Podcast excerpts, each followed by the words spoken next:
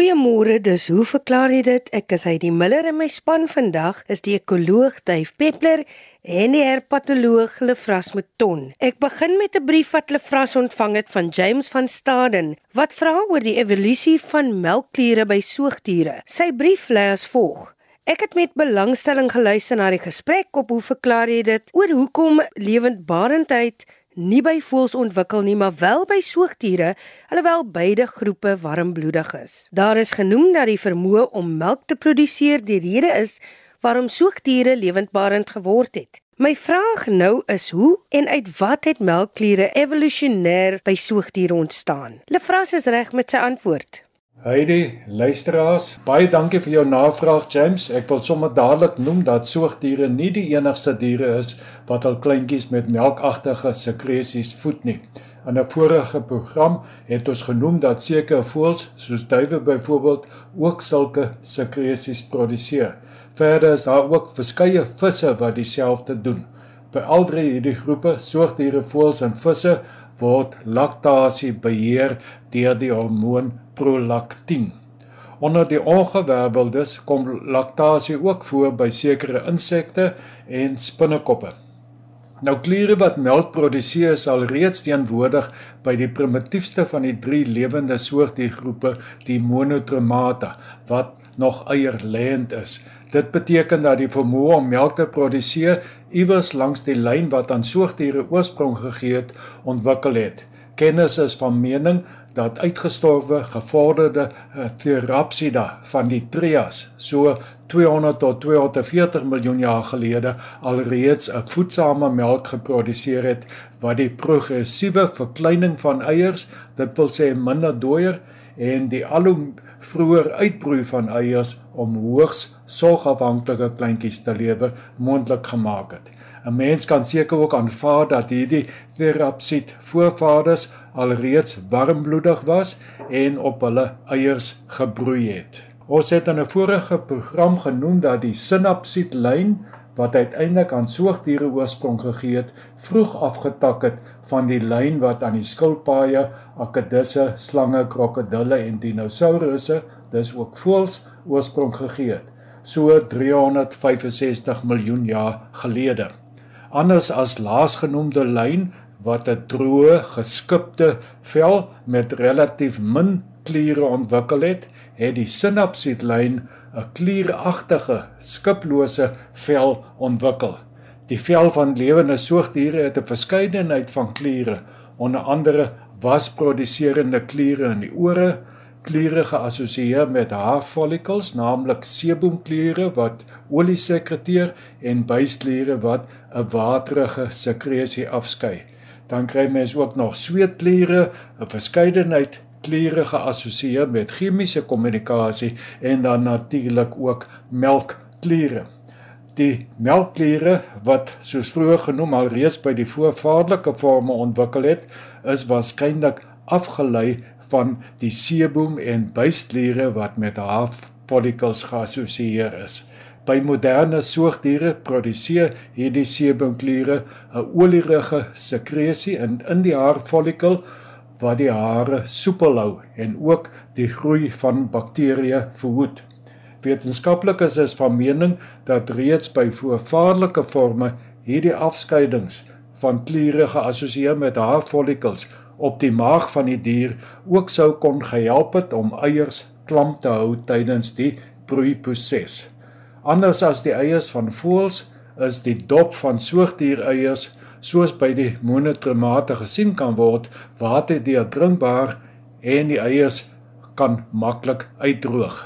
Verder ook omdat die afskeidings eh, van hierdie kliere reeds lipiede en ander stowwe sou bevat het wat deur kleintjies na die eiers uitgebroei het as voedselbron benut sou kon word, sou seleksie gelei het tot verdere uitbouing van hierdie meganisme om deur uitwendige afskeidings voedsel aan kleintjies te verskaf. Die oorspronklike assosiasie tussen melkkliere en haarfollikels bestaan nog steeds vandag by die monotremata en ook vroeg in die ontwikkeling van melkkliere by die marsupialia. Dit is nou die buideldiere.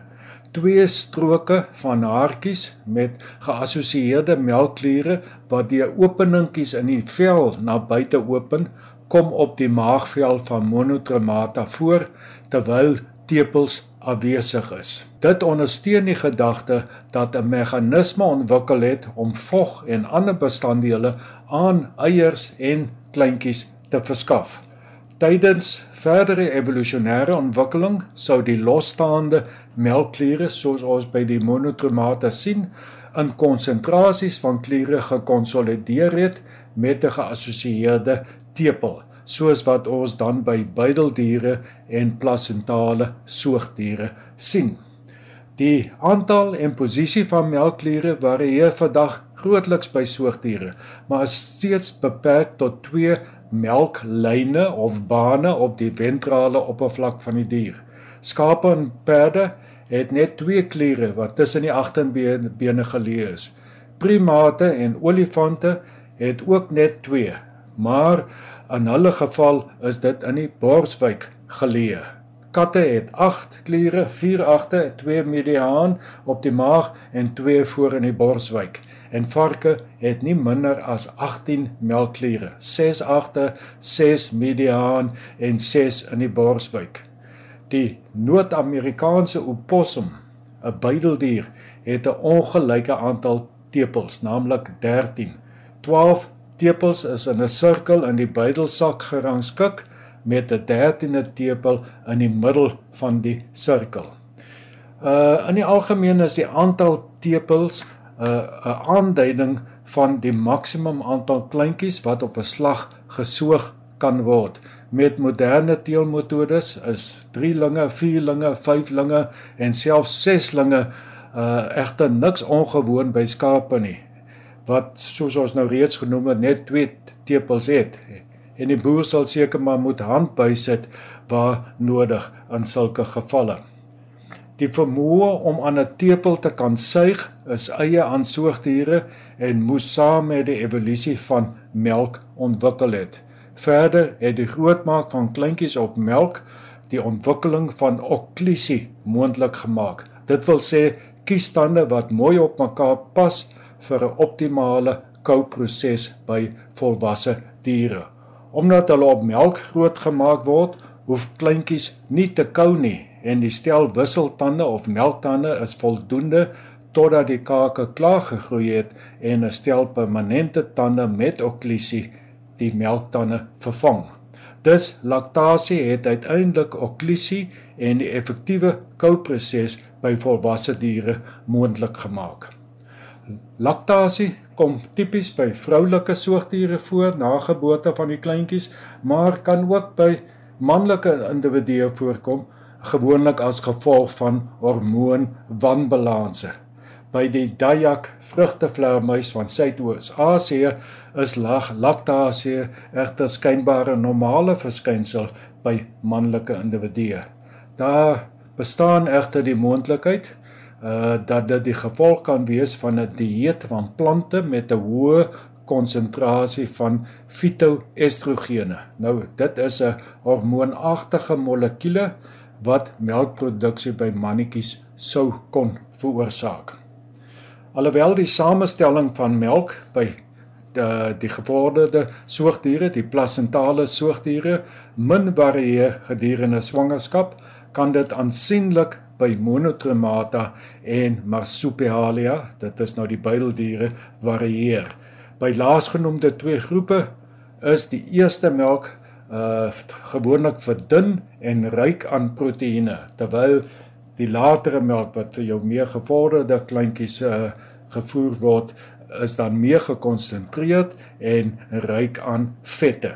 By sommige buideldiere kan kleintjies van verskillende ouderdomme deur die moeder gesoog word en die melk by die verskillende tepels varieer dan in samestelling en ooreenstemming met die ouderdom van die kleintjie uh, by elke tepel. So om op te som James die aanvanklike funksie van protomelkkliere was waarskynlik om eiers klam te hou en teen mikrobes te beskerm en na die eiers uitgebroei het ook om die kleintjies teen mikrobes te beskerm. Die voedingswaarde van die sekresies was 'n toevalligheid omdat die kliere afgeleide oliekleertjies was wat met haarfollikels geassosieer was sou die sekresies van die begin af uh, ten minste lipide bevat het wat voedingswaarde vir die kleintjies sou hê. En na die eiers uitgebroei het, indien die kleintjies per ongeluk nou van hierdie sekresies sou inkry, sou hulle dit as voedsel kon benut. Met verloop van evolusionêre tyd sou die voedingswaarde van die sekresies verhoog word, die protomelkkliere sou verder uitgebou word en tepels sou ontwikkel het en daarmee saam ook die vermoë om te kan suig. Dit was Lefras Meton se antwoord op die vraag van James van Staden oor die evolusie van melkkliere by soogdiere. Dis hoe verklaar jy dit? Ons gesprek gaan nou voort met die verklaring van Dave Peppler. Eerstens wil Dave net weer die kwessie van tomaties op die winkelrak en ons smaak herbesoek na aanleiding van die terugvoer wat hy na die program hieroor ontvang het. Maar hy het ook vandag 'n interessante gesprek oor molle nadat 'n luisteraar wou weet hoe hulle dan hopies grond bo op die uitgang van hul tonnels kry as hulle as dit ware agtertoe grawe. En glo dit of nie, David hulle mol geëet. Gegroet uit my studeerkamer in Stellenbosch en my groete aan Heidi, my kollegas en luisteraars. Ek het heelwat ehm um, terugvoer ontvang oor die tematies storie wat ons eh, 'n uh, week of wat gelede uitgesaai het en ek wil graag net kommentaar lewer. Eerstens van Louis Roubenheimer van Groot Brakrivier. Ehm um, skryf as volg: 'n Paar jaar gelede het ek gelees dat tematies wat vroeër baie smaaklik was, nie lank genoeg gehou het nie en ook nie goed geruis het nie. Met ander woorde, hulle was nie baie geskik vir bemarking nie. Daar is toe besluit om tomaties wat baie taaier is en met 'n sterker vel te kweek. In die proses is baie van die smaak toe ingeboet. Die artikel het toegesê dat navorsers nou wil probeer om die oorspronklike smaak terug te bring. Daarvoor benodig hulle egter van die oorspronklike ou tomaties sodat hulle deur genetiese manipulasie 'n taai maar smaakvolle tomatie kan produseer. Die soektog was dus aan die gang om van die ou tomaties in die hande te kry dan gaan hy verder te sê hy weet nie hoe ver hulle gevorder het nie en dit gaan dus nie oor organiese kweeking nie. Ek neem kennis, ek hoop ek het dit ehm um, duidelik uiteengeset dat die smake nie noodwendig verskil nie, maar dat uh, organiese groente en vrugte produkte meer van die sogenaamde flavonoïdes het. Maar toe kom uh, 'n uh, baie interessante brief van professor Nick Kombrink, 'n oud kollega en uh, skryf die volgende Ek het Sondag se uitsending van hoe verklaar jy dit vanaand op potgooi geluister en wil graag iets oor die tematies storie byvoeg.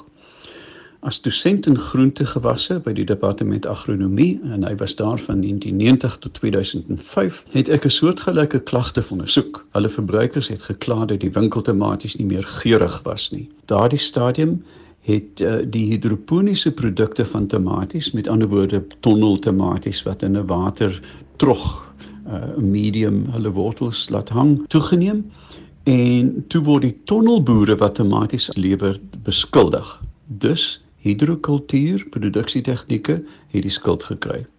Wat in daardie tyd ook verander het, maar wat min mense toe besef het, was dat 'n nuwe kultivar met 'n lang raklewe, sogenaamde Daniella, gewild geword het. Die raklewe was langer omdat hierdie nuwe kultivar nie 'n skerp klimatiese pink gehad het nie, um omdat die produksie van etieleen in die vrug geneties vertraag is. Nou, dit is nou baie interessant.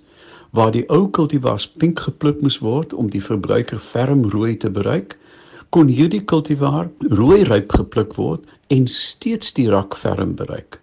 Produsente het nie hierdie ryppluk storie mooi verstaan nie en Daniela is ook toe pink gepluk. Natuurlik vandag nie meer nie. Weens die stadige vrystelling van etieleen het tematies hard en geurloos gebly. Omdat aroma tydens rypwording ontwikkeling as sagwording ook intree, het die vroeggeplukte Daniella te lank hard en geurloos gebly. Spanspek ruik lekker as teken van rypwording as etieleen die vrug begin sag maak. Is baie interessant. Vandag is die meeste tomatiekultivars lang raklewe tipes stadig etieleen vrystellers. Jou aanbeveling om 'n ou tipe in die tuin te vestig is tussen die kol. Nuwe kultivars wat te vroeg op die rak beland, sal egter altyd neig om geurloos te wees, ongeag of dit organies of met hidrokultuur gekweek is. Nou dit verwys na die brief hierbo. Oor smaak sê hy: Omdat slegs nodige nutriënte aan plante in hidrokultuur voorsien word, sonder braksoute soos met konvensionele produksie in grond kan die lae soutkonsentrasie in die wortelsone die opname van water bevorder. Daarom sal meer natrium en kloried in wortelsones oplossing kleiner vrugte gee. Maar omdat die hoeveelheid suikers per vrug dieselfde is, is die suikerkonsentrasie hoër. Die verbruiker verbeel hom dan dat die kleiner tomaties geuriger is, maar dit is eintlik net kleiner en soeter. Ek geniet julle programme. Groete Nik Kombre. Nik, hartlike dank vir hierdie insiggewende bydrae. Dit dit het baie gehelp om hierdie verskil tussen organies en produksie van tomaties baie mooi te verduidelik. Lucky Badenhorst um, in Bloemfontein, my oupa het altyd gesê Blomfontein. Dalk 'n vraag vir Duif Peppler sê hy. Vir my vriend Duif, dankie. Uh Lucky. Met die baie reën in die Vrystaat sien ons al hoe meer molsoepe van die Hoëveld soort. Nou ja, dis nog 'n interessante mol, die Hoëveld mol. My vraag is, hoe kry die mol dit reg om 'n hoopie grond bo op die uitgang van sy tonnel te kry? Hy of sy grawe tog die grond agtertoe. Ek luister met aandag en geniet julle uitstekende programme. Dankie Lukie. Lukie verwys heel moontlik na tandmolle of blesmolle in teenstelling met die bekende kruipmol wat daai lang tonneltjies in ons tuine maak. Die benaming is nogals verwarrend want kruipmolle is nie noodwendig verwant aan blesmolle nie. Tandmolle, hierdie molle wat hoop stoot, verteenwoordig 'n duidelike evolusionêre beweging na ondergrondse lewe en die blesmolle soos ons hulle ken of die tandmolle is beperk tot Afrika suid van die Sahara. In Noord-Amerika word hierdie nis van ondergrondse bestaan gevul deur die grondeekoring, die pocket gopher en die tuco tuco in Suid-Amerika, baie vreemde klein diertjie. Nou hoe lyk molle dan in terme van anatomie? Hulle het 'n perfekte silindriese liggaam en baie kort ledemate. Hulle lyk werklik komieklik. Dit lyk byna soos 'n basset met 'n lang lyf en kort voetjies. Hulle is van 9 tot 30 cm lank en kan weeg van 30 gram tot 'n almuntige 1.8 kg.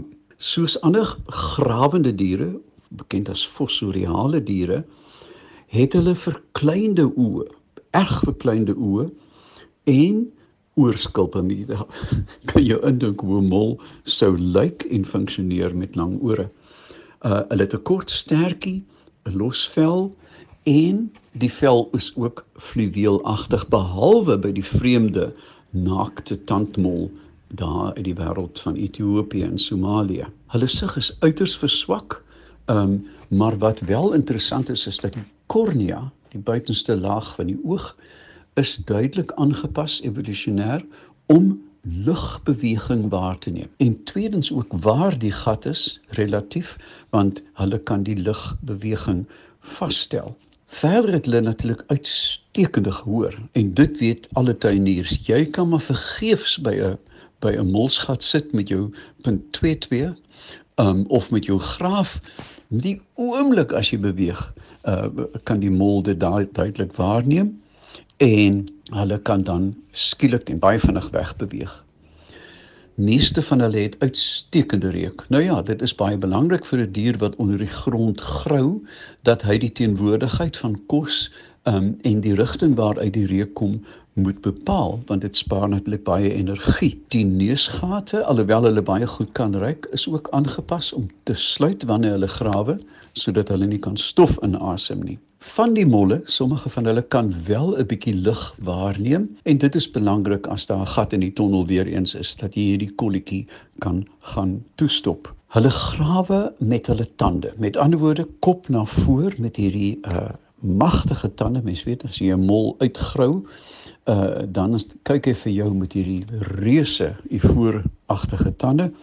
Ehm um, maar in die geval van die duinemolle wat in sand grawe en hulle is natuurlik endemies aan die Kaap, gebruik hulle ook hulle voorpote om mee te grawe. Uh so gepraat van duinemolle, ek het al duinemol geëet op Robberg uh Plekkenberg Bay. Heerlik, dit smaak na hoender veral as jy soet patats by jou mol kook.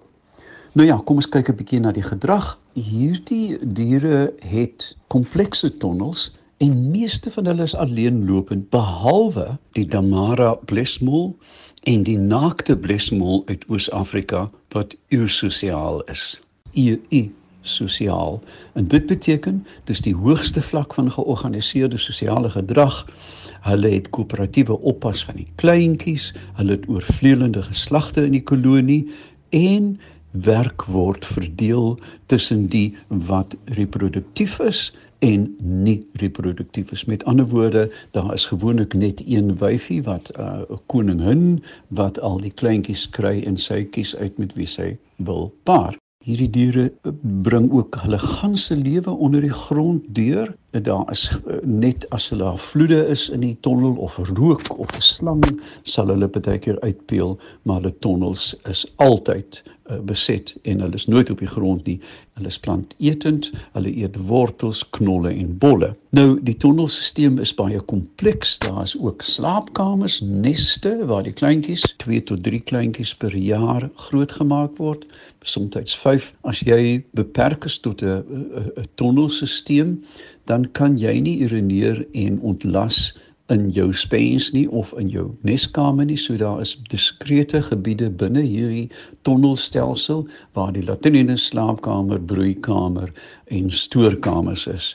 So om terug te kom na die vraag, ek dink daar was heel moontlik onlangs goeie reën en dit beteken dat die tonnelstelsel van hierdie um, sogenaamde hoë veldmolle redelik vinnig uitgebrei is. Dit beteken ook dat indien dit gereën het, is die kosvoorraad verseker en dat bolle en knolle mooi vet geswel was en dat dit nou die tyd was voor die winter ehm um, dat hierdie stoorkamers vol lekker kos gemaak word.